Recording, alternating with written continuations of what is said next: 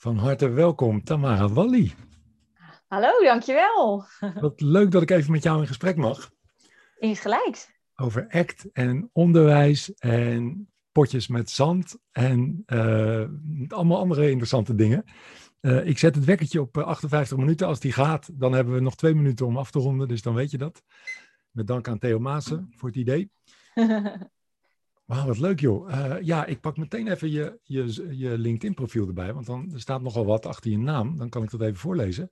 Je bent trainer, ontwikkelaar, schrijver over ACT. Je houdt je bezig met persoonlijk leiderschap, veerkracht, psychologische flexibiliteit, onderwijs en gedrag in het algemeen. Dat is een hele lijst. En uh, wat, wat leuk joh. Wat, wat, zou je daarover willen zeggen? Uh, voor, voor, vooral voor mensen die jou nog niet kennen. Ja, nou ja, ik uh, ben van oorsprong onderwijs- en ontwikkelingspsycholoog. En um, ik werk bij een onderwijsadviesdienst en werk daar nu als uh, vooral trainer en ontwikkelaar. En, uh, en schrijver, zeg maar, op een aantal onderwerpen. Met name het omgaan met opvallend gedrag in de klas, met uitbetrokkenheid. Um, en nu ook persoonlijk leiderschap en veerkracht. En dat is eigenlijk, wij gebruiken die termen, maar eigenlijk helemaal gewoon vanuit... ACT en mijn eigen enthousiasme over ACT. Aha, dus, dus ACT is wel echt je belangrijkste ja, methode waar je uit put, klopt dat? Ja, vind ik voor nu wel. Ja, zeker. Ja. zeker. Ja. Je hebt het over oude betrokkenheid, dus dan gok ik wat meer basisonderwijs of alle soorten onderwijs? Ja, eigenlijk van, uh, van de VVE is eigenlijk kinderopvang tot, uh, tot aan MBO. Ja. Oké, okay. oh ja, tot aan ja. MBO. Dus HBO. En ik werk zelf veel met, met uh, basisonderwijs en speciaal onderwijs, maar ook met kinderopvang. En, dus okay. ja. ja. Wat leuk zeg. En, en wat, wat een goede zaak dat ACT daar steeds meer ja, uh, podium krijgt en ook wordt ingezet. Ja, vind ik ook. ik, ik, ik heb de indruk dat dat wel een trend van de laatste jaren is. Klopt dat? Ja, dat idee dat heb ik, uh, heb ik ook wel, ja. En hoe dat bij ons zelf is gekomen, wij uh, merkten van ja, de, de, mensen in onze omgeving en uh, ook collega's die werden, waren een beetje overbelast. En op een gegeven moment zat ik met mijn leidingge toenmalige leidinggevende in gesprek. En ja, we zeiden van ja, dat je, er zijn zoveel mensen die zijn dan overbelast geraakt en die gaan dan ineens yoga doen en mediteren en dan dingen anders doen. Um, en uh, wat meer uh, volgens hun eigen kompas leven en op zoek naar zichzelf of coaching zoeken. En we leren dan allemaal dezelfde dingen aan en af. En waarom moeten wij allemaal op ons bek gaan eerst? Om vervolgens dat aan te leren. En wat betekent dat voor de nieuwe generatie? Moeten die kinderen niet eigenlijk dat nu al aangeleerd krijgen? Dus toen dachten we, ja, we moeten eigenlijk een soort van programma voor kinderen, voor, ja, voor scholen maken. Maar ja, um, met onze ervaring in het onderwijs uh, het zoveelste project en uh, een nieuwe vak en weet ik het wat. Dat zagen niet echt gebeuren dat we dat erin gingen krijgen. Maar ja, in die tijd waren ook al die lerarenstakingen, waarin werkdruk ook een belangrijk onderwerp van gesprek was. En toen dachten we, ja, moeten die leerkrachten het eigenlijk niet nu aanleren? En als zij dingen anders kunnen gaan doen en ja, dat, ze hebben het aangeleerd en dat stroomt door hun bloed en ze laten dat alles vanzelf zien. Dan kunnen ze eigenlijk de gewenste gedragingen en processen moddelen. En dan hoeven we, en, en tussen de regels door, impliciet daarover praten. En dan hoeven we dat eigenlijk misschien wel helemaal niet meer als een project of als een les aan te leren. Dus uh, dat was een beetje de hoop. Ja, wat een mooie insteek inderdaad.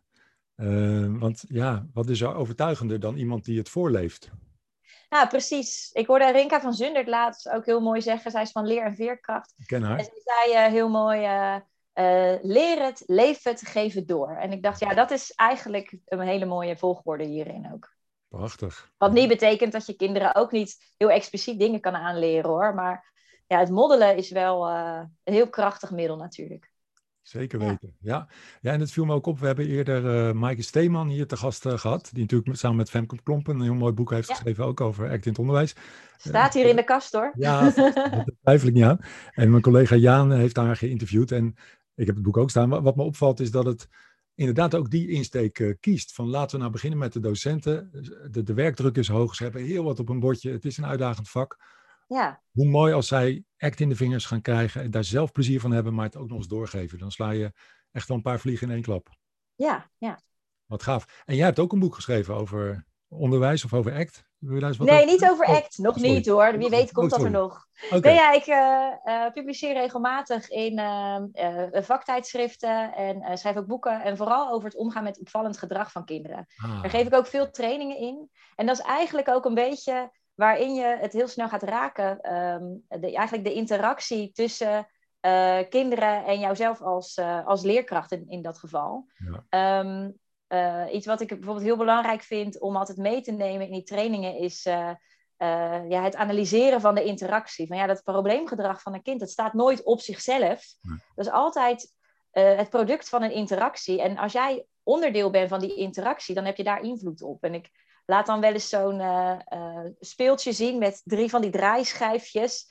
En dan zeg ik van ja, als je gaat observeren en je zet het, de interactie in een ABC-schema met het gedrag van het kind in het midden, Ehm, en je vergelijkt dat met dat speeltje. Als jij aan die buitenste twee draaischijven gaat draaien, dan moet die middelste ook wel gaan veranderen. Dus als jij je eigen gedrag verandert, dan moet het kind ook wel mee.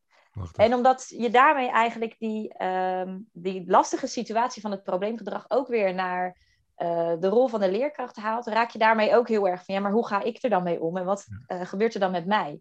Dus al heel snel raak ik ook wel dingen uh, die we bij de trainingen in, over veerkracht ook opnemen. Dus wat, ja. Wat mooi. Dus dat is een hele systemische visie eigenlijk zo met die radertjes. En ja, dat je, ja. Hè, je bent onderdeel van de interactie. Ja, ik volg je helemaal. Ik, ik ken dit gedachtegoed ook vanuit oplossingsgerichte gespreksvoering. Daarbij ja. bekijk je ook altijd de invloed die je hebt op de interactie. Niet zozeer op de ander, maar wel op de interactie. Ja, ja. Dat hoor ik ook terug in jouw verhaal. Ja. Wat, uh, wat mooi zeg. En um, ja, en ik, ik, ik vind het ook heel herkenbaar dat, dat, want ik train ook veel in het onderwijs, dat docenten inderdaad vragen kunnen stellen. Zo van, ja, help mij om te gaan met dat lastige gedrag van die ander. Maar niet beseffen dat ze daar zelf ook invloed op hebben. Of in ieder geval een, aandeel in op de een of andere manier. Hè? Ja. En ik kan me ook voorstellen dat dat niet altijd een makkelijke boodschap is. Want zij doen een beetje dit en jij zegt, ja, doe ook maar een beetje dit. Ja, ik heb één keer gehad dat ik op een school was... Uh, waar ik na de hand van de directeur hoorde van... Uh, ja, ze vonden het toch wel heel erg lastig dat je had gezegd dat dat probleemgedrag hun schuld was. Ik, nou, dat heb ik niet gezegd. Nee, nee. of in ieder geval zo niet bedoeld. Nee. Uh, dus ik ben er altijd uh, heel voorzichtig in hoe ik dat nu formuleer. Want dat is zeker niet jouw schuld. Maar je, bent wel, je hebt een aandeel in de oplossing. Ja, ja. ja dus daarmee komt uh, je invloed voor, komt weer in beeld. Ja. En daarmee ook een stukje verantwoordelijkheid. Ja. En gelukkig is dat heel anders dan schuld. Ja, gelukkig wel. Ja. en het gedrag van de ander is heel lastig te veranderen. Want je hebt dat nooit uh, compleet in handen. Want je hebt ook niet altijd zicht op alle externe factoren die dat gedrag ook nog beïnvloeden. Maar het enige wat je wel kan beïnvloeden, of waar je in ieder geval zelf aan de knoppen zit, dat is je eigen gedrag. En zelfs dat is soms al heel lastig te veranderen. Dus laat staan dat van die ander. Ja, Dus eigenlijk is dat ook juist wel fijn dat, dat daar de, de oplossing ligt. Zeker. Ik volg je helemaal. En ik kan me ook voorstellen dat het voor sommige luisteraars nog een beetje abstract klinkt. Dus heb je een, een mooi voorbeeld om dit principe uh, wat concreter te maken? Um, dus, dus het principe van. Uh, de docent zegt, oh, ik vind dat, kind, dat gedrag van het kind vind ik zo lastig. Hoe, ja, hoe, hoe kan ik die ander veranderen? Terwijl jij ziet, ja, maar, maar jij hebt ook een aandeel. Dus als je nou bij jezelf een stukje verandert, dan zal het kind misschien mee veranderen.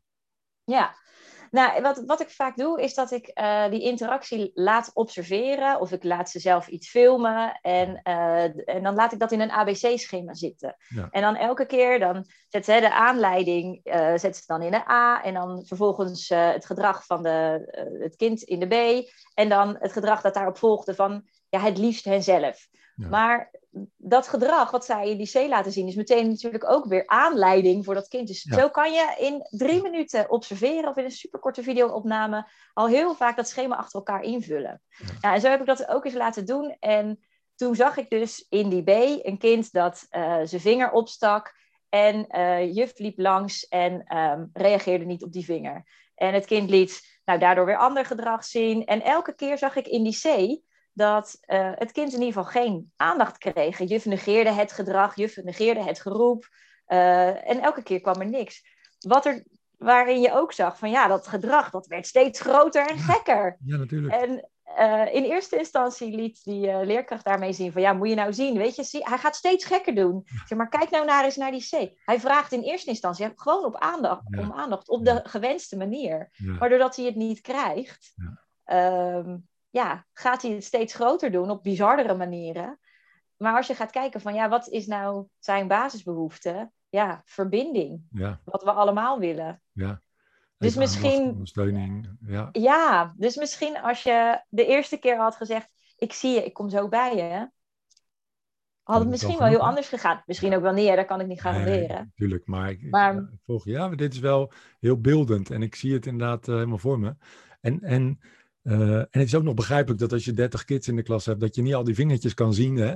Maar, maar, en dus in die zin is het inderdaad nooit iemands schuld. Maar uh, het is ook niet eerlijk om te zeggen, ja, dat kind vertoont zulk lastig gedrag. Want ja, je had, je had er even, even langs kunnen gaan, inderdaad. Ja, precies. En het gedrag, het heeft altijd een functie. Het levert dat kind iets op. Ja, ja, ja. En juist dat met uh, ja, aandacht vragen, dat is, dit is niks uh, mis mee. Meestal op hele gekke manieren krijg je die aandacht ook. Ja, ja, precies. Dus eigenlijk, het kind vertoont gewoon gedrag dat werkt. En, en als het, uh, het meest gewenste gedrag niet werkt, dan wordt het, ja, dan wordt het pittiger. Ja. Ja, en dat is, dat is ook wel typisch uh, des act, hè? Om, om inderdaad de functie van gedrag te analyseren zonder oordeel eigenlijk. Ja, ja. Ja, ja mooi. Hey, waar komt jouw fascinatie voor acten vandaan? Hoe is dat ontstaan? Vertel eens. nou, ik heb in 2011 las ik De Psycholoog en daar zag ik een recensie in staan van het boek Het leven is geen feest van Anne Rox. Nou, dat vond ik al een hele goede titel. En toen ging ik dat boek lezen, maar op dat moment, ik was nou, ja, 25 en ehm, ik had net een huis gekocht en een leuke relatie en ik was op vakantie en nou, het leven was gewoon hartstikke feest. Dus ik heb dat boek toen gelezen, maar ik had er helemaal niks mee. Het, ik kon dat helemaal nergens aan ophangen. Nou, en in 2017 was ik een beetje overbelast geraakt. Er gebeurde heel veel tegelijk in het leven en nou ja, dat was even te veel. En uh, toen ben ik wat dingen anders gaan doen. En begonnen met meditatie en uh, ja, weer wat literatuur opgepakt uh, die hierover ging. En toen dacht ik, oh ja, het leven is geen feest. Ik zag het boek in de kast staan en ik dacht, nou, nu ga ik dat maar eens opnieuw lezen. En ik het wel. toen had ik haakjes. Ja. en okay. sindsdien ben ik eigenlijk heel enthousiast erover. En dat gesprek met mijn leidinggevende, waar ik het eigenlijk zojuist over had, dat volgde eigenlijk in datzelfde jaar. En uh, nou ja, toen besloot ik om de basisopleiding uh, te gaan doen. En sindsdien nou ja, heb ik daar zelf eigenlijk gewoon persoonlijk heel echt de vruchten van geplukt. En ja, vind ik het dus ook heel mooi om dat over te brengen op anderen. Ja, wat gaaf. En ja, heel herkenbaar ook dat, dat zeg maar een, een paar grote live events of een, een moeilijke periode je dan op dat spoor brengen en dat je dan wel opeens de waarde ervan ziet, hè? Ja, ja, ja. Ja. ja, en ik dacht in dat jaar van ja, dit is echt uh, dit is een rot jaar. En het, weet je, het was zo vanaf januari ging alles heel uh, moeizaam. En uh, mijn, mijn dieptepunt zat zo in september. En toen in oktober dacht ik, nou, als, het nou, als er geen gekke dingen meer gebeuren, dan kom ik hier wel weer uit. Um, maar ja, dan kijk ik wel op 31 december terug en denk ik zo, wat een rot jaar. Ja. dacht, ja, dat is eigenlijk zonde, want er gaan nog wel meer heftige dingen gebeuren in mijn leven. Dus ik kan ook kijken van hoe ga ik hier lering uittrekken? Wat voor dingen kan ik anders doen om, nou ja, misschien niet te voorkomen dat dingen gebeuren, maar wel om op een efficiëntere manier mee om te gaan.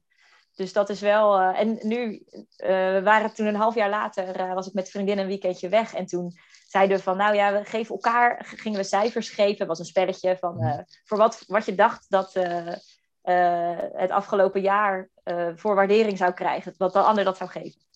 En toen zei een vriendin, nou, dat jaar van jou, ik denk dat je echt, nou, ik denk een vier of een drie. Toen zei ik, nee, ik denk wel een acht of een negen. Dus nou, hun monden viel allemaal open. Maar ik zei, ja, maar dit is, het was niet makkelijk. Maar uiteindelijk is dit wel het jaar geweest waar ik ontzettend veel in heb geleerd. En uh, ja, waar ik de rest van mijn leven op terugkijk van, ja, maar 2017, dat was een uh, belangrijk jaar. Oh, wat bijzonder. Want als iemand je dat in eh, augustus zou hebben verteld, van jij gaat dit jaar nog een eh, 8 of een 9 geven, besef je dat wel, dan had je het waarschijnlijk niet geloofd. Nee, dan dacht ik, oh nou, dan, uh, dan ga ik snel een lot van de uit de loterij kopen. Ja, hè? ja, ja. mooi zeg, dat je dan in een paar maanden tijd eigenlijk zo'n andere beleving van datzelfde moeilijke jaar kunt, kunt ja. Ja. ja. Nou ja, wie tekent daar niet voor, hè? Ja. ja. Nou ja, dat is de kracht van reflectie, denk ik. Van ja, wat, wat kun je daar nou uh, uittrekken? Want als je niet terugkijkt, dan ehm, kun je er ook nooit van leren. Nee, nee, nee. En, en als ik je goed begrijp, heeft ACT daar een, echt een grote rol in gespeeld. Ja, uiteindelijk. Uh, daarna wel. Nee, nog niet zo erg in dat jaar. Want als ik, uh, uh, als ik ACT toen al beter beter had kunnen pakken, dan had ik wel anders met bepaalde dingen omgegaan. Oh, Als ik daar nu op terugkijk, dan denk ik ook, oh, ik zat wel heel erg verstrikt in dat hoofd. Ja, oh, dat vind ik ook heel herkenbaar. Ik heb ja. zelf een, denk een lichte burn-out gehad in 2000, 2008, 2009 volgens mij. En als ik terugdenk, was het niet omdat ik te hard werkte, maar omdat ik te hard piekerde. piekerde. Ja. En ook inderdaad heel erg vast zat in, in, in mijn kop. En, en uh, dat kost zoveel mentale energie. Ja, allemaal fusie en controle. Want wat ga je doen als het, wat ging ik doen als het te veel werd? Ja. Nog meer lijstjes maken en maar gewoon meer werken en wegwerken en te weinig rust en te weinig bewegen. En ja. Dus, uh, en dat vind ik wel het, het mooie van ACT. Volgens mij was het Monique Samson die een keertje zei van ja, na tienen neem ik uh, mijn gedachten sowieso niet meer serieus. En ik hoor, volgens mij was zij dat hij dat zei. En um, dat, dat heb ik sindsdien. nou, ik, ik pas hem vanaf s avonds toe. Okay. Ja, ik snap hem. En sindsdien uh, uh, doe ik dat ook. En ik zie dat dan ook een beetje voor me als zo'n uh, loket, weet je. En dan komen die gedachten langs. En dan, um, ja, dan sta ik achter de deur. Nee hoor, we zijn nu gesloten. Morgen weer. Prachtig. Morgen zeven uur. Ja, heerlijk. Oh, dat is zo verfrissend, hè? Ja. Ja. Leuk zeg. Hey, en um, ja, wat ik in jouw verhaal hoor, en eigenlijk in elke act-professional die ik ken, is dat act je in de eerste plaats zelf zoveel heeft gebracht. En daarna ontstaat als vanzelf de wens, ja, maar dit wil ik doorgeven. Ja. Er is geen andere weg, hè, lijkt het. Nee, nou ja, en daarom vind ik het ook zo zinloos om uh, uh, lespakketten voor kinderen te gaan maken. Als ja. de leraren het zelf niet, uh, niet ja. invoelen. Die Ja. Moet je eerst mee aan de slag. Exact. Ja. Ja. Hey, dus jij denkt heel veel na over van, ja, hoe maak ik ACT nou toegankelijk voor mensen? Hoe maak ik het aantrekkelijk? Uh, hoe, hoe kan ik het overbrengen? Ja, ja. Ja, dat vind ik een hele mooie vraag. Daar denk ik ook vaak over na. Wij geven ook uh, ACT-basis en, en, verdiepingstraining zelfs sinds kort. En, en uh, aan, wij aan coachende professionals. Dus die zijn al wel bezig met coachen. Maar ja, dan moet het ook weer niet te therapeutisch worden. Um, wat vind je eigenlijk van het, van het idee dat, uh, ja, dat ACT vooral ACT in de naam zit het, het woordje therapie? Uh, wat vind je daarvan? Ja, dat vind ik heel zonde.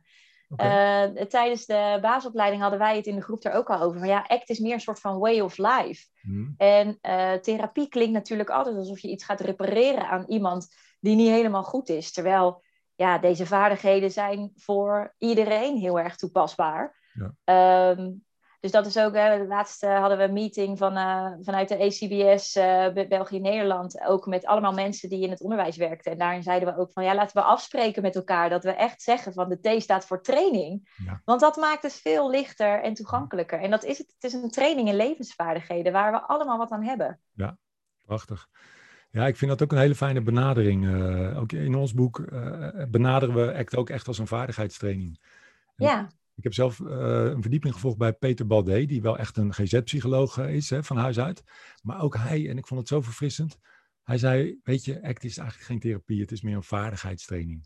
Ja, dat is het echt. Hoor ik jou ja. zeggen. Ja, en dat maakt het inderdaad meteen. En wie wilde nou een therapie? eigenlijk niemand. Nee, ja. Dat moet. Ja. ja. Ja, in principe niet. De, de therapie is echt, uh, ja, pleisters plakken. Ja.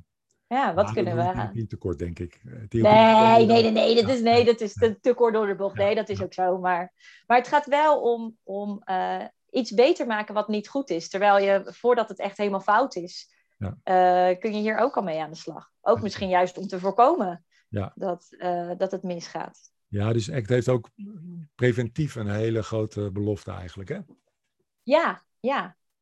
Ja, een belofte wel, want dat weten dat natuurlijk nog niet zeker. Maar ja, er zit natuurlijk wel heel veel, uh, heel veel in. Ik denk dat als je uh, mensen vooral die vaardigheid diffusie kan aanleren en kan uh, aanleren van ja, we hoeven niet altijd maar in gesprek met onze gedachten. Mm. Nou ja, dat, dat voorkomt een heleboel gepieker en, en hard werken. Dat denk ik ook, ja. ja. Hey, en kun je ons eens meenemen in wat best practices als het gaat om het overdragen van act op een, op een ja, laagdrempelige, aantrekkelijke manier? Nou, wat, uh, wat ik leuk vind is, uh, uh, wat ik zo waardeer aan ACT zijn vooral die heel ervaringsgerichte werkvormen. Mm. En ja, dat je eigenlijk meteen al bij jezelf merkt wat het doet.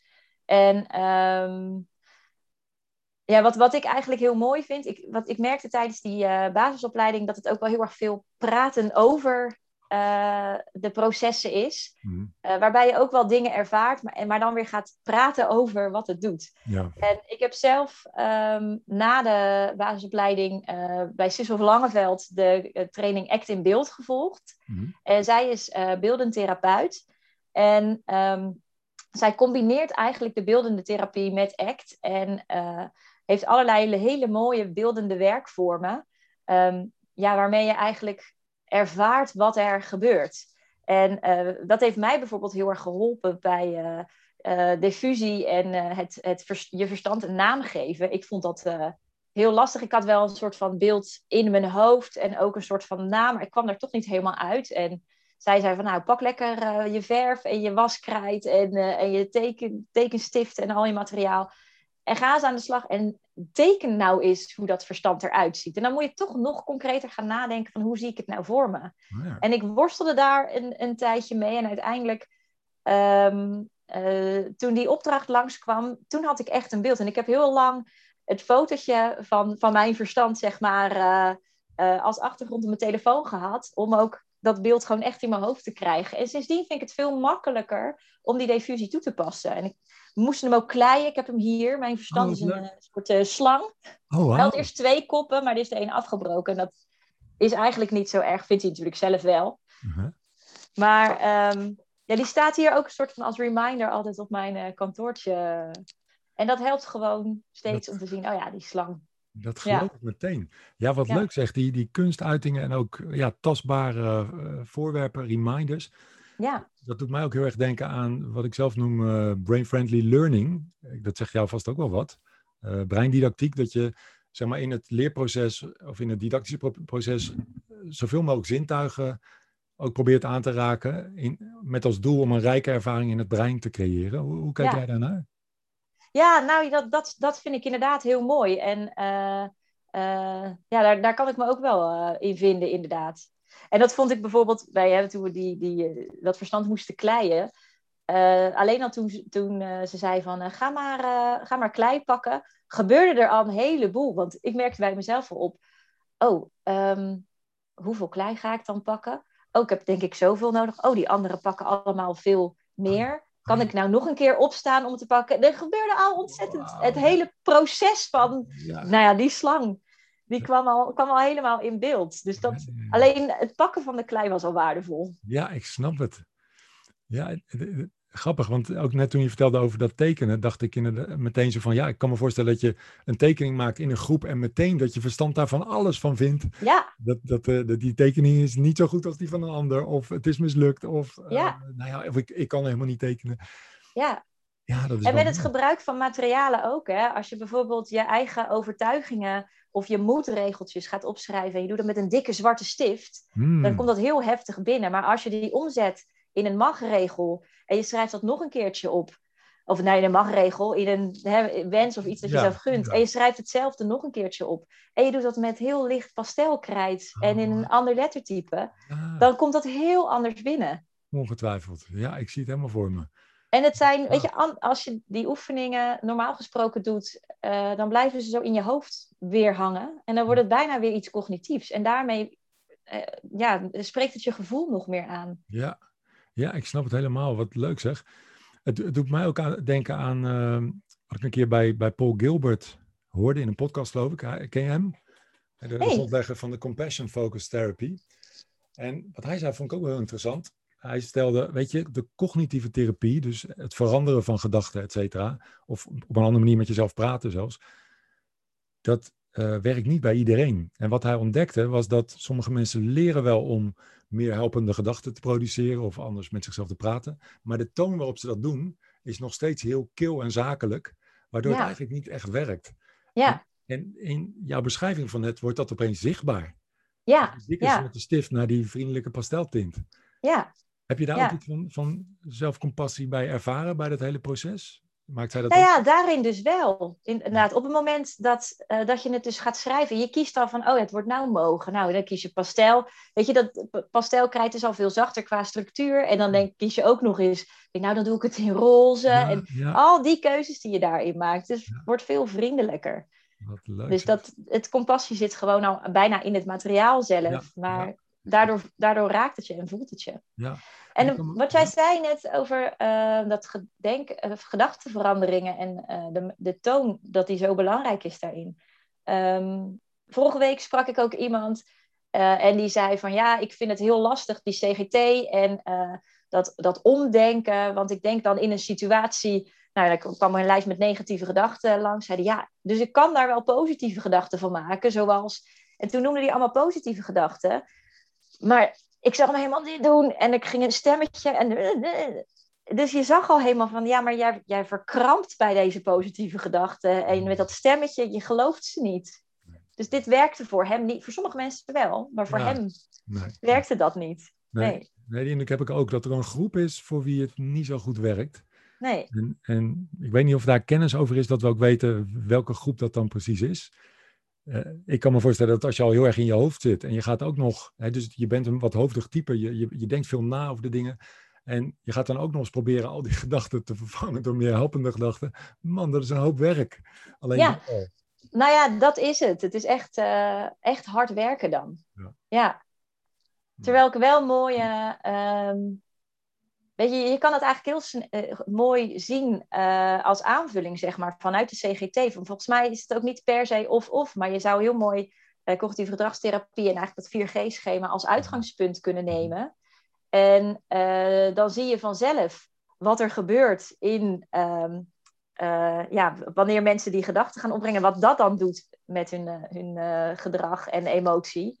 En op het moment dat je ziet van ja, maar voor jou is omdenken alleen maar keihard werken en weer een oplossing moeten toepassen, ehm, dan kan je hem vanzelf naar act trekken. Maar juist vanuit die gedachten, Ja. daar zitten heel vaak allemaal regeltjes aan ten grondslag. En vanuit die emotie die eh, die gedachten met zich meebrengen, daar liggen heel vaak allemaal waarden aan ten grondslag. Ja. Dus dan kan je hem vanuit daar ook makkelijk eh, doorpakken naar act. Ja, ik volg je helemaal. En Je hoeft niet de die keuze te maken, denk ik. Nee, dat denk ik ook. En voor, voor de mensen die de 4, 4G-schema niet kennen, kun je hem nog eventjes kort, eh, kun je de mensen even opfrissen? Ja, eh 4G's dat staan voor ge- gebeurtenis, gedachte, gevoel, gedrag. Ja, en wat mij betreft altijd ook nog gevolg. Zeker, ja. En wil daarmee eigenlijk laten zien hoe die samenhang daartussen is. Dus elke gebeurtenis roept een bepaalde gedachte bij je op. En dat kan een positieve of negatieve zijn. Die gedachte zorgt weer voor een eh, bijbehorend gevoel, zorgt weer voor bijbehorend gedrag. En eh, ja, op die manier kun je de, het gevolg ook beïnvloeden als je nou ja, gaat omdenken en van je negatieve gedachten een positieve kunt maken. Ja. En dat is soms heel werkend, maar Ja, soms is het ook heel hard werken. Ja, ja, precies. Ja, ja en ik bedoel, ik, ik heb dat schema natuurlijk ook ooit geleerd, eh denk een jaar of 18 alweer geleden. Eh, toen ik werkte ik bij, eh, bij de reclassering met jonge, jonge boefjes. En ik merkte dat, dat er een, inderdaad een aantal waren die, die vonden het heel vervelend. Omdat ze ergens hadden zoiets van, ja, maar jij vindt dat er iets mis is met mijn denken. Maar zo denk ik nu eenmaal. Op de een of andere manier eh, liep ik daar soms toch een beetje in vast. En wat, ja, hoe ik daar nu naar kijk, is dat ja, natuurlijk heeft je, ge- je, je gedachte heeft effect op je, je gevoel en, en dus ook je gedrag. Maar het werkt net zo goed andersom. Ja, Wat wij ons voelen heeft ook effect op hoe we denken. En, hoe we, en als ik andere dingen ga doen, dan, Ja. dan krijg ik ook andere gedachten. ja. Ja, en dat merk je ook soms, hè, dat, dat daar discussie dan over Ja. ontstaat. En dan zit je zo heel erg op zo de inhoud van zo'n proces. Ja. Dat vind ik als trainer dan ook weer hard werken. Ja. Dat je ook zo heel erg op de oplossing gaat zitten. Terwijl eigenlijk het bovenliggende proces eh, veel waardevoller is, ook om andere situaties eh, op te kunnen pakken. Ja, ja, eens. Ja, je kunt helemaal in een verhaal van iemand kun je behoorlijk verdwalen. Ja, Eh, Terwijl, dan gaat het alleen maar over die ene persoon. Terwijl je hebt een hele groep. Dus laten Ja. we dingen opzoeken die voor iedereen herkenbaar zijn en nuttig. ja, Ja, Ja. dat herken ik zeker. Oh, wauw, oké. Ehm, Leuk. En, en ik zag laatst over breinvriendelijk leren gesproken. Ik zag bij jou een, eh, op LinkedIn een heel leuk uh, een potje langskomen met water en zand. Wil je ja. daar over vertellen? Nou ja, uh, soms zitten wij heel erg in ons hoofd en is er van alles. En stappen we letterlijk in ons hoofd. Nou, dit is dit potje. Oké, okay, cool. Dit, ja, ik, heb hem, ik had hem klaargezet. Ik dacht, hij staat hier altijd in de buurt dit uh, potje is eigenlijk ons hoofd. En soms stappen we letterlijk in ons hoofd en zijn we zo bezig met uh, uh, onze gedachten.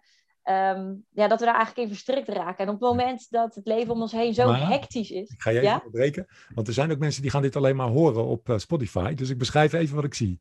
Oh ja. Ik daar een, een prachtig een potje met een Playmobil poppetje erin. En hij is gevuld met water, bijna helemaal vol. En ik zie daar onderin ligt iets iets donkers. Ik weet niet precies wat dat is, maar vertel verder. Dan kunnen de mensen het voor zich zien. Nou ja, soms dan uh, uh, is het leven zo hectisch om ons heen. En uh, nou ja, dan, dan, schudden we het potje op. Aha. En dat zorgt ervoor dat dat zand wat onderin ligt, um, nou ja, dat dat eigenlijk het water heel troebel maakt. En dat maakt het voor ons heel erg lastig om naar buiten te kijken, want door troebel water zien we niks. Um, en er zit overigens niet alleen maar zand in. Dat zand dat staat voor alle uh, plannen en to-do-listjes en uh, nou ja, uh, dingen die we moeten en regeltjes. Alle lastige gedachten die we hebben. Maar er zitten ook eh, glitters in. En die staan voor mij symbool voor alle mooie toekomstideeën en herinneringen die we hebben. Dus het is heus niet alleen maar slecht wat er in ons hoofd gebeurt. Er gebeuren ook heel veel mooie dingen. Zeker, ja. En um, ja, troebelwater is lastig om door naar buiten te kijken. En als je het potje langer stilhoudt, dan zie je dat het water langzaam ook weer naar beneden, dat, dat het water langzaam ook weer helder wordt, doordat het zand en de glitters weer naar beneden zakken. En dat is eigenlijk wat we in zo'n hectische dag of in ons hectische leven regelmatig moeten doen. Even een stapje achteruit doen en stilstaan om alle gedachten te laten bezinken. En uh, ja, dit potje staat eigenlijk voor uh, mindfulness. Wat een geweldige manier om dat uh, inzichtelijk te maken. Dit noem ik nou ook echt breinvriendelijk, zeg maar. Want je aandacht wordt er meteen naartoe getrokken. Het maakt de ingewikkelde dingen heel, heel simpel. En uh, ja, ik, ik, zou iedereen zo'n potje op zijn bureau gunnen om af en toe even stil te staan van wacht eens even. Hoe, uh, hoe helder is, is het water eigenlijk om me heen? Ja. Ja, hartstikke leuk. Hey, en, en ja, je noemt net de term mindfulness. Nou ja, ik ben daar zeker ook een ja, eigenlijk een grote liefhebber van. Het heeft mijn leven heel erg verrijkt. Maar de term mindfulness, ik, ik heb ook gemerkt, en dat zag ik ook bij jou in een mail die je mij stuurde, dat die term valt niet bij iedereen even lekker. Nee. Wat zijn jouw ervaringen daarmee? Nou ja, er zijn mensen die daar toch nog uh, uh, steeds een hele zweverige bijklank bij hebben. Ja. Uh, dus die denken van, oh ja, nou dan zetten we de, de, de wierook maar klaar en de klankschalen en dus die, die zien dat als zoiets boeddhistisch en haken daarom af. Ja. Um, en sommige mensen ook vanuit hun, uh, hun geloof. En die zeggen van ja, nou, ja, we hebben bijvoorbeeld een christelijke achtergrond en uh, dat past helemaal niet bij, bij mij of bij ons, uh, want dat is ons veel te boeddhistisch. Ja. Terwijl ik denk, ja, als we dan het proces uitleggen van ja, waar gaat het nou eigenlijk over? Ja, over geregeld eventjes een pauzemomentje nemen om contact te maken met of al je zintuigen en alles om je heen, of met jezelf in je eigen lijf, of allebei, ja. dan, uh, dan zien, ziet iedereen daar de waarde wel van in. Dat, dat denk ik ook. Uh, ja. Want ja, mindfulness is natuurlijk maar een naampje. Ja. En ook best een verwarrende naam. Hè? Want ik krijg ook wel eens de vraag: hè, moet je nou een hele volle mind hebben of een lege mind? Hoe zit dat? Ja, ja. En, en um, is dat dan voldoende als je het zo uitlegt aan mensen bijvoorbeeld met een reformatorische achtergrond? Want ik, ik kom ook wel op scholen met, uh, die, ja, die reformatorisch uh, zijn georiënteerd. Uh, is het dan voldoende zo'n uitleg of, of krijg je dan nog steeds vragen? Of, of Nou ja, soms wel van ja, maar gebruik het woord dan echt maar niet. Oké. Okay. En, en gaan we op zoek naar bewoordingen die, die wel passen. Zoals, ja. ja. ik noem het dan vaak uh, de pauzeknop. Ja, die heb ik van jou geleend trouwens hoor. Die, in jouw boek heb jij ook een hele lijst staan van mm-hmm. andere bewoorden. Mm. En uh, ja, ik vind uh, met volle aandacht dingen doen, ja. dat soort omschrijvingen ook wel heel mooi. Ja, ja, ja. dat kan ik ook in herkennen. En dat is natuurlijk van iedereen. Iedereen heeft aandacht. En iedereen vindt dat eigenlijk ook wel iets moois. Ik heb nog nooit iemand gehoord van aandacht. Nou, daar heb ik helemaal niks mee. nee. Klaar zijn, hè? Of dat past niet bij mijn geloof, aandacht. nee, nee, dat kan, ja, dat, dat kan bijna niet, toch? dat kan niet, nee. nee. Dus dat is wel fijn, want ik, ik hou ook wel van inclusie. En ik vind het ook wel belangrijk dat iedereen zich thuis voelt bij ja, gedachtegoed wat, wat je leven als mens kan verrijken. Of wat je ja. als docent ook uh, meer veerkracht kan geven en, en, en meer aandacht ook dus voor, voor dat, dat vingertje dat daar omhoog staat en die je misschien niet altijd meteen opmerkt. Ja, en wat voor aanpassingen doe jij dan uh, uh, in dat soort gevallen? Ja, ja mooie vraag. Uh, ik heb het bij de hand gehad. Ik heb uh, jaren voor een christelijke organisatie gewerkt ook zelf, terwijl ik geen praktiserend christen ben. Ook toen niet was. Ehm, ik was daar uiteraard ook eerlijk over. En het was ook zo dat in de loop der tijd werd de christelijke, christelijke, identiteit steeds belangrijker ook. Waardoor ik wel merkte ja, dat, ik, dat ik iets meer op mijn woorden moest passen. En in die tijd ja, ontdekte ik, ik mindfulness en, en nou, de training gevolgd. Dat was met die, met die lichte burn-out. Daar ben ik echt uitgeraakt, onder andere doordat ik die mindfulness training volgde. En toen was ik zo enthousiast, kort daarna de, de, de, train, de trainer, uh, of de, de, trainer mindfulness geworden. En, en ik wilde dat heel graag doorgeven, omdat het mij zoveel had gebracht. Eerst deed ik dat nog in een paar gevangenissen. Nou, dat werkte op zich uh, prima, want daar is heel veel lijden. Dus daar staan mensen echt wel open eigenlijk voor, voor iets wat hun lijden kan verlichten. Maar toen wilde ik het ook in de eigen organisatie doen. En toen liep ik tegen allerlei drempels op. En eigenlijk hetzelfde als jij, de term mindfulness, die was niet oké. dus ik moest ook een beetje aan mijn PR, mijn marketing uh, werken. Zo van, oké, hoe ga ik het dan noemen? Ja, en ik had zelf de training gevolgd bij Rob Brandsma. Die noemde het aandachttraining. Ja. Heel simpel eigenlijk. Het is een training. Je leert skills. En eigenlijk leer je je aandacht sturen en managen. En, uh, en ik ben ook wel sindsdien, dat je de aandacht gaan vergelijken met een soort zoomlens. Uh, als je fotografeert, dan kun je die lens op, op richten waar jij hem op wil richten. Dus daar heb je een zekere uh, vrijheid in. Maar je kunt ook besluiten om in of uit te zoomen. Hè, dus je kunt, je, ja, de luisteraar of de kijker kan besluiten om nu even zijn voetzolen te voelen. En even op te merken van, hé, hey, kan ik voelen dat ik schoenen of sokken draag en dat mijn voeten op de grond staan. En uh, zelfs misschien nog meer inzoomen naar je linker grote teen, bij wijze van spreken. Kun je die een beetje wiebelen en kun je voelen dat je een linker grote teen hebt. Dus dan ben je heel erg ingezoomd. Ja. Maar je kunt ook die aandacht weer uitbreiden naar, nou, dat je hier met je hele lichaam ja, zit of loopt of wandelt of, of, ligt. Uh, en je hele lichaam eigenlijk vullen met aandacht. En zelfs nog verder, want je luistert naar dit gesprek en je kunt om je heen kijken. Dus je kunt ook heel erg uitzoomen.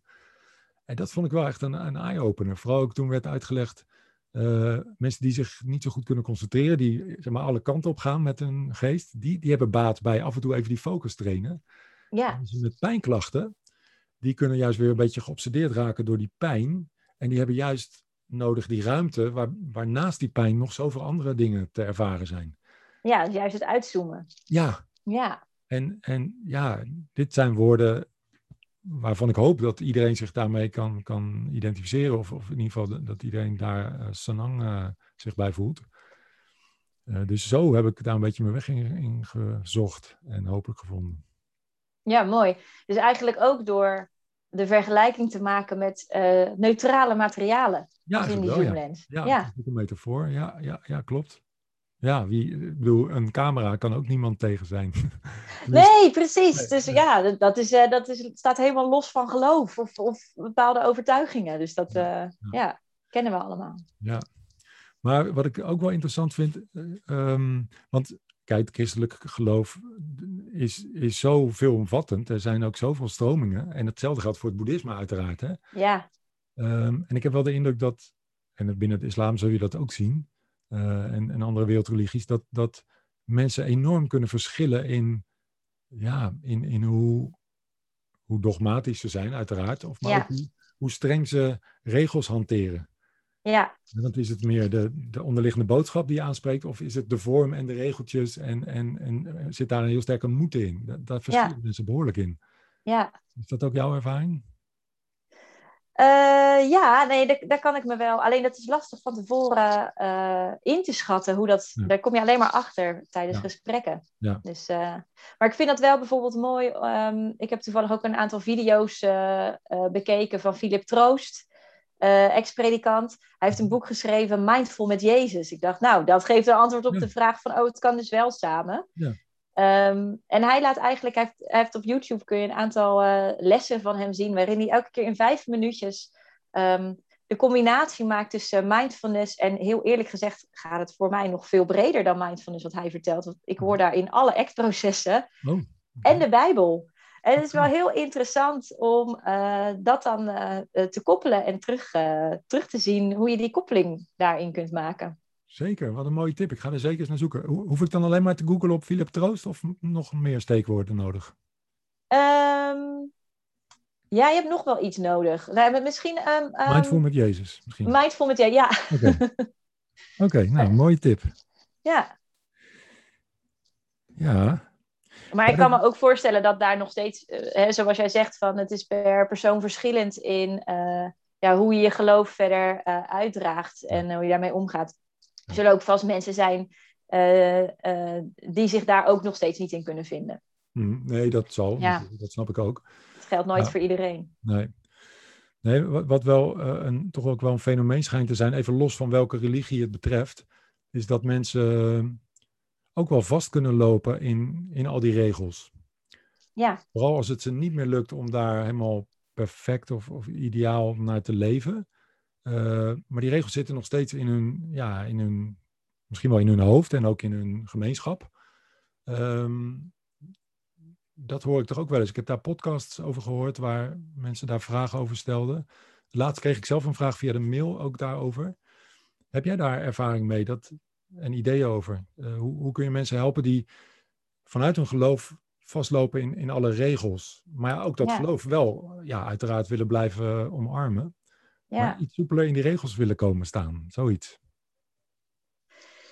Ja, ik, ik, ik zou dan eigenlijk ik heb er geen ervaring mee, maar ik zou dan toch eigenlijk denken aan hoe je de actvaardigheden normaal gesproken op het gebied van regels hmm. ook toepast. Om ja. toch weer terug te gaan ook naar die waarden. Van wat, ligt daar Ja. voor, wat liggen er nou voor waarden aan ten grondslag voor jou? En hoe kun je dat combineren met die regels? Ja.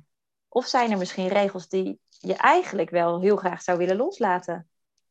Ja, dat is dan spannend, hè? Want hoor je er dan Ja. nog wel bij? Ben je dan nog wel een, een, een Ja. lid van die gemeenschap? Ja, ja, dat is altijd een spannend, want het, het, het raakt dan een beetje je identiteit ook, hè? Zeker. Ja, en dat is, is toch iets waar, waar regels ook vandaan komen. Want ik kom dit net zo goed tegen eh, in het onderwijs, als we daar dan weer naar terug gaan. Mhm. eh, bij mensen die dit hebben, bijvoorbeeld vanuit een schoolcultuur of een schoolvisie. Mhm. En dan dus zeggen van, ja, maar nu ik weet waar ik voor sta. Ehm, en eh, het eigenlijk vragenlijstje voor het onderwijs heb ingevuld. En heb bedacht van, ja, wie was mijn onderwijsheld? En welke waarden komen daar nou voor mij eigenlijk uit naar boven? En dan merk ik eigenlijk dat ik helemaal niet meer pas op deze school. Wauw.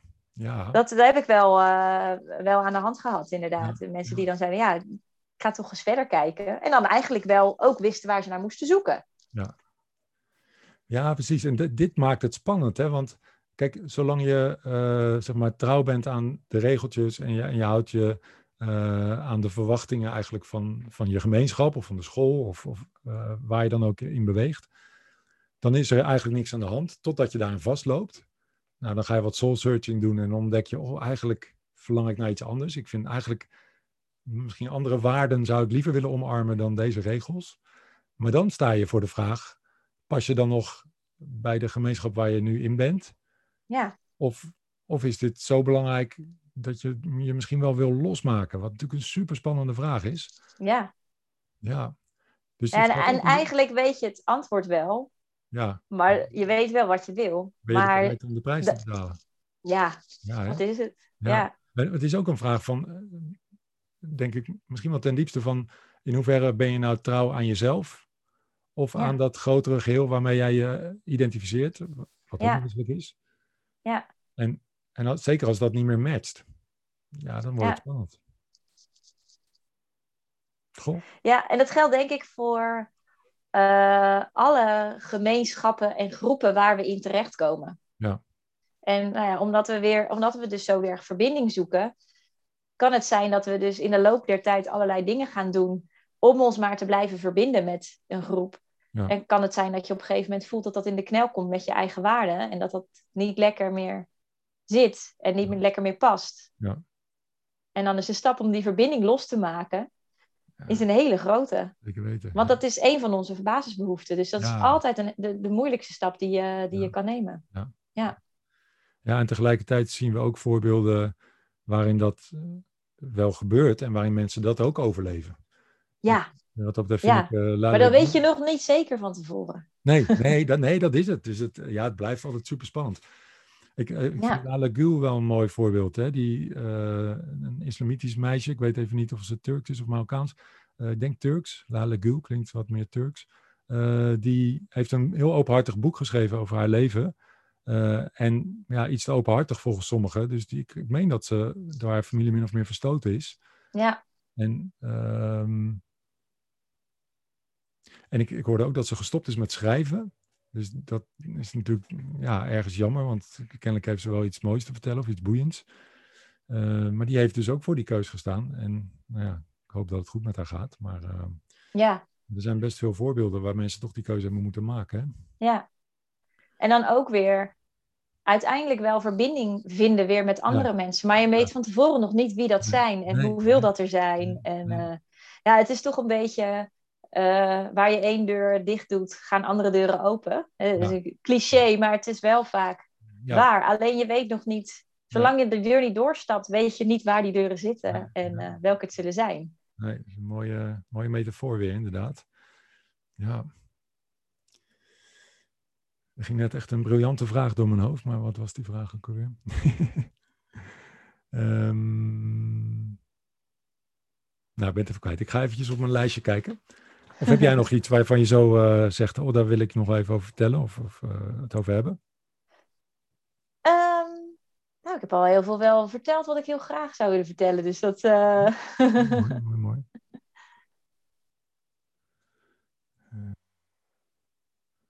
Nou, deze lange stilte kunnen we er altijd uitknippen.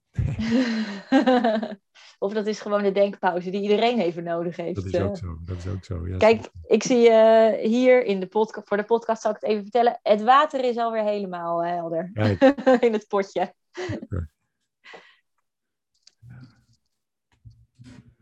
Nou, ik zat er vanochtend Ja. op de fiets en toen moest ik denken aan ehm, eh, een, hele, een, een, een hele gekke situatie uit mijn leven waar dacht, waarbij ik dacht, dit, die staat eigenlijk wel heel mooi symbool voor wat act eigenlijk is. Ik ehm, eh, heb lang op eh, ballet gezeten en ehm, eh, tot een paar jaar geleden. En een tijd geleden ging een kennis van mij, die deed, deed ook mee. En dat was een hele grote, gespierde vent. Echt een, een beer van een gast. En hij kon supergoed dansen. Maar niet echt per se type waarbij je in eerste instantie denkt van... ehm, nou, dat is echt een ballerina.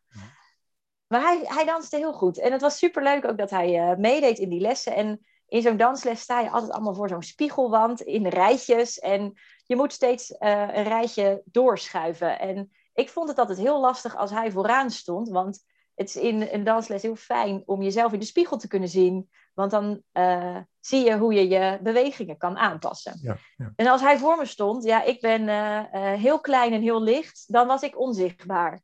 En elke keer dacht ik, als ik nou maar groter ga bewegen, grotere stappen zet, dan, dan kom ik wel weer achter hem vandaan. En ik heb dat een aantal eh, eh, keer geprobeerd, maar dat resulteerde vooral in heel hard werken eh, en bezig zijn in mijn hoofd met die choreografie. En bezig zijn met, oh, ik moet het heel groot doen. Daardoor danste ik eigenlijk op een manier die me helemaal niet lekker lag. Dus dat kostte veel moeite. Dus het was vooral hard werken. Mhm. En toen liet ik dat maar los. En toen dacht ik, nou, laat maar dan. Dan ben ik maar even niet zichtbaar. Mhm. En ehm, doordat ik dat los ging laten, kwam ik er eigenlijk achter dat die gast natuurlijk zulke grote stappen zette. En als hij hele grote stappen zette en ik mijn eigen kleine plakpasjes bleef maken, dan kwam ik elke keer weer achter hem vandaan. Ja, ja, ja. En ik vond het eigenlijk zo'n mooie eh, metaforische situatie voor hoe ACT ook laat zien dat als je heel hard werkt, Mhm. eh, je vaak dingen doet waarbij je eigenlijk jezelf uit het, letterlijk in deze situatie uit het oog verliest. Ja. En dat als je dicht bij jezelf blijft, dat je ook contact kan blijven maken met jezelf. Prachtig. ja, het is een heel mooi eh, beeldend verhaal. Ehm, wat inderdaad eh, echt heel mooi illustreert. Prachtig. Nou ja, misschien ehm, moeten we gewoon richting afronding. Um, hè, die bedoel, je moet altijd eindigen als het, als het nog, nog spannend is. Um, ik, ik, ja, jij lijkt me geen type die tatoeages heeft, of wel? Nee, nee. nee dus, dus dan is dit een leuke vraag. Stel nou dat je, even denkbeeldig, ja, je moet een tatoeage nemen en het moet een tekst zijn die jij elke dag van de rest, voor de rest van je leven bereid zou zijn om te lezen. Op je, je linker onderarm. Wat zou er komen te staan? Ja, dat weet ik wel. Daar heb ik wel eens over nagedacht. Zal ik, zal ik hem nemen? En dat is uh, the, the Time is Now. Oh, wauw. En dat gaat over, ja, je hebt maar, uh, maar één kans in dit leven. En uh, ja, je moet het nu doen. En dat is eigenlijk gekomen, um, daar heb ik heel vaak aan gedacht, sinds mijn achttiende. We, uh, in de week voordat we examen deden, waar hadden we de laatste gewone schoolweek. En in die tijd uh, was er iets nieuws, namelijk digitale camera's. En een van mijn klasgenoten nam die camera van zijn moeder elke dag mee en maakte foto's. En s'avonds zette hij die foto's allemaal online en dan konden we die kijken. Moesten we eerst inbellen natuurlijk. En, uh, en uh, ik had elke keer, elke dag had ik heel erg zin in, oh vanavond gaan we die foto's kijken. En op de derde dag zat ik die foto's te kijken dacht ik, nou, eigenlijk zijn het helemaal geen bijzondere foto's. Het zijn hele gewone dingen van hoe we in de klas zitten zoals we dat al zes jaar hebben gedaan. En toen bedacht ik van ja, wat is het zonde dat ik nou al drie dagen lang uitkijk naar de avond, waarin ik terugkijk op de dagen zoals ze gewoon geweest zijn. En uh, ja, op eigenlijk hoe heel deze zes jaar zomaar aan me voorbij gevlogen zijn. Ik dacht, ik heb nu nog twee dagen deze week om ervan te genieten. En toen heb ik twee dagen heel erg genoten van uh, de dagen zoals ze vanzelf uh, waren. Wauw. The time is now. Ja, prachtig. Wat een mooie les om nou, de kijkers en luisteraars mee te geven, zo aan het eind. Tamara, heel erg bedankt voor ja, het mooie gesprek wat je gedeeld hebt, de mooie metaforen, mooie beelden en je, je wijsheid. Um, ik dank de, de luisteraar en de kijker voor, voor je aandacht. Ik hoop dat je er iets van waarde uit hebt gehaald. Um, nou, volgens mij willen Tamara en ik allebei de wereld een beetje mooier maken. Jij vast ook. Dus blijf, blijf dat vooral doen. En tot de volgende keer.